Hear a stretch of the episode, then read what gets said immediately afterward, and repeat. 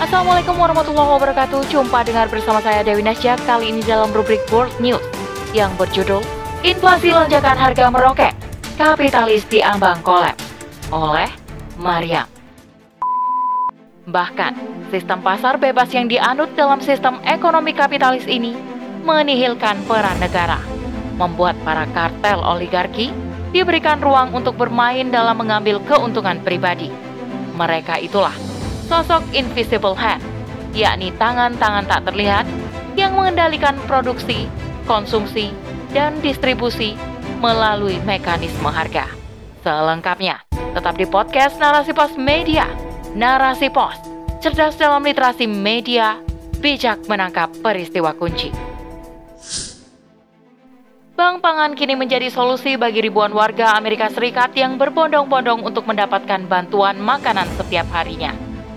Antrian terjadi di seluruh bank pangan yang berada di berbagai penjuru negeri Paman Sam.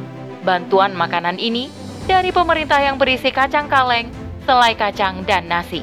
Mary Jerry Brown, seorang juru bicara bank makanan yang menyebutkan bahwa jumlah warga yang antri untuk mendapatkan bantuan makanan ini meningkat tajam hingga 78 persen dibandingkan tahun sebelumnya. Salah satu warga negara Indonesia, Zafran Arif, yang merupakan mahasiswa matematika terapan di Washington State University, membeberkan bahwa memang harga sejumlah barang kini meroket akibat inflasi di Amerika Serikat.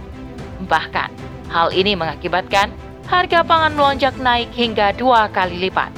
Pada bulan Juni 2022, inflasi Amerika Serikat tembus hingga 9,1 persen, dan ini merupakan level tertinggi sejak 41 tahun terakhir. Inflasi ini terjadi akibat banyaknya harga yang mengalami lonjakan, baik dari segi pangan maupun non-pangan. Lonjakan inflasi di Amerika Serikat bermula dari perang Rusia dan Ukraina, sehingga ketegangan antara kedua negara ini memberikan dampak buruk bagi dunia. Kondisi dari peperangan geopolitik ini menyebabkan krisis yang berkesinambungan, mulai dari krisis energi, kemudian berlanjut ke krisis pangan hingga krisis keuangan. Menurut Bank Indonesia, inflasi dapat diartikan sebagai kenaikan barang dan jasa secara meluas atau mengakibatkan kenaikan harga pada barang lainnya dan terus-menerus dalam jangka waktu tertentu. Kenaikan harga barang dan jasa tersebut disebabkan karena turunnya nilai uang. Solusi sederhana yang ditawarkan selalu dengan mendesak penguasa mematok harga. Memang sepintas solusi ini bisa menjadi acuan. Namun, solusi ini ternyata bisa menyebabkan inflasi semakin berkelanjutan. Karena jika penguasa mematok harga, kelak jika harga akan stabil kembali, pada waktunya dan perlahan malah akan mengurangi daya beli mata uang. Terlebih, sistem mata uang saat ini begitu tidak adil dan tidak stabil, karena sistem mata uang yang berlaku adalah sistem mata uang hampa yakni kertas, tanpa kontrol dan tanpa adanya backup yang disebut dengan fiat money. Sejak pembatalan perjanjian Bretton Woods oleh Presiden Amerika Serikat, Nixon pada tahun 1971, mata uang kertas dicetak tanpa backup emas dan sejak saat itu pula, kini tidak ada satupun negara di dunia yang membackup mata uangnya dengan emas. Akibatnya, kini mata uang bersifat fiat dan disebut dengan istilah managed money standard. Sistem fiat money ini menyebabkan fluktuasi pada penggunaan mata uang kertas karena nilai intristik dan nominalnya berbeda, sehingga akan mudah dikendalikan dan dimonopoli oleh negara tertentu, dan semakin parah dengan adanya sistem bunga. Bahkan, sistem pasar bebas yang dianut dalam sistem ekonomi kapitalis ini menihilkan peran negara, membuat para kartel oligarki diberikan ruang untuk bermain dengan mengambil keuntungan pribadi. Mereka itulah sosok invisible hand, yakni tangan-tangan tak terlihat yang mengendalikan produksi, konsumsi, dan distribusi melalui mekanisme harga. Inilah salah satu kezaliman dalam sistem kapitalisme yang menjadikan rakyat sengsara.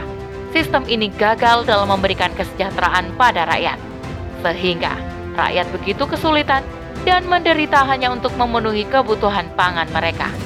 Berbanding terbalik jika sistem Islam yang diterapkan berdasarkan tuntunan Al-Quran dan As-Sunnah, yang di dalam ilmu fikih kenegaraan, sistem ini dikenal dengan nama khilafah. Khilafah dinobatkan sebagai institusi yang meriayah atau mengurusi kebutuhan umat. Maka dalam sistem ekonominya, jaminan kesejahteraan rakyat mampu memenuhi kebutuhan mereka dengan baik dan layak, yang menjadi visi dalam perekonomian khilafah. Untuk mengatasi masalah inflasi ini, ada beberapa langkah yang dilakukan khilafah. Pertama, menjaga penawaran dan permintaan pasar agar tetap seimbang, namun bukan dengan mematok harga barang. Karena itu bukan solusi yang tepat, bahkan Rasulullah pernah melarangnya sebagaimana hadis beliau, Allah lah zat maha mencipta, menggenggam, melapangkan rizki, memberi rizki, dan yang mematok harga. Hadis riwayat Ahmad dari Anas. Harga barang dalam Islam justru akan dibiarkan mengikuti mekanisme penawaran dan permintaan di pasar. Kedua, negara memiliki peran menyeimbangkan ketersediaan barang dan jasa ketika penawaran dan permintaan tidak stabil. Negara bisa memasok barang dan jasa dari wilayah lain, sebagaimana yang pernah dilakukan oleh Khalifah Umar bin Khattab ketika wabah penyakit melanda wilayah Syam yang mengakibatkan produksi mereka berkurang. Kemudian, Khalifah Umar menyuplai kebutuhan mereka dari Irak. Ketiga, jika kurangnya pasokan diakibatkan penimbunan kartel oligarki, maka bagi para pelakunya akan mendapatkan sanksi takzir dan sekaligus wajib melepaskan barang kembali ke pasar. Keempat, jika kenaikan harga dikarenakan penipuan, negara bisa menjatuhkan sanksi takzir dan hak kiar untuk membatalkan atau melanjutkan akor.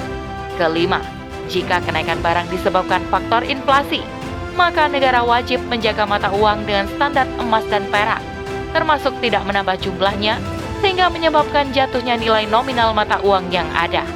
Karena sistem keuangan dalam khilafah berbasis dinar dan dirham, sistem keuangan ini sangat stabil, tidak seperti sistem fiat money dalam kapitalis. Inilah langkah-langkah yang dapat dilakukan oleh negara khilafah dalam mengendalikan harga barang dan jasa. Dan langkah ini pun sebagai jaminan bahwa khilafah akan memastikan masyarakat mampu memenuhi kebutuhan dasar pokok mereka secara layak. Wallahu a'lam bishawab.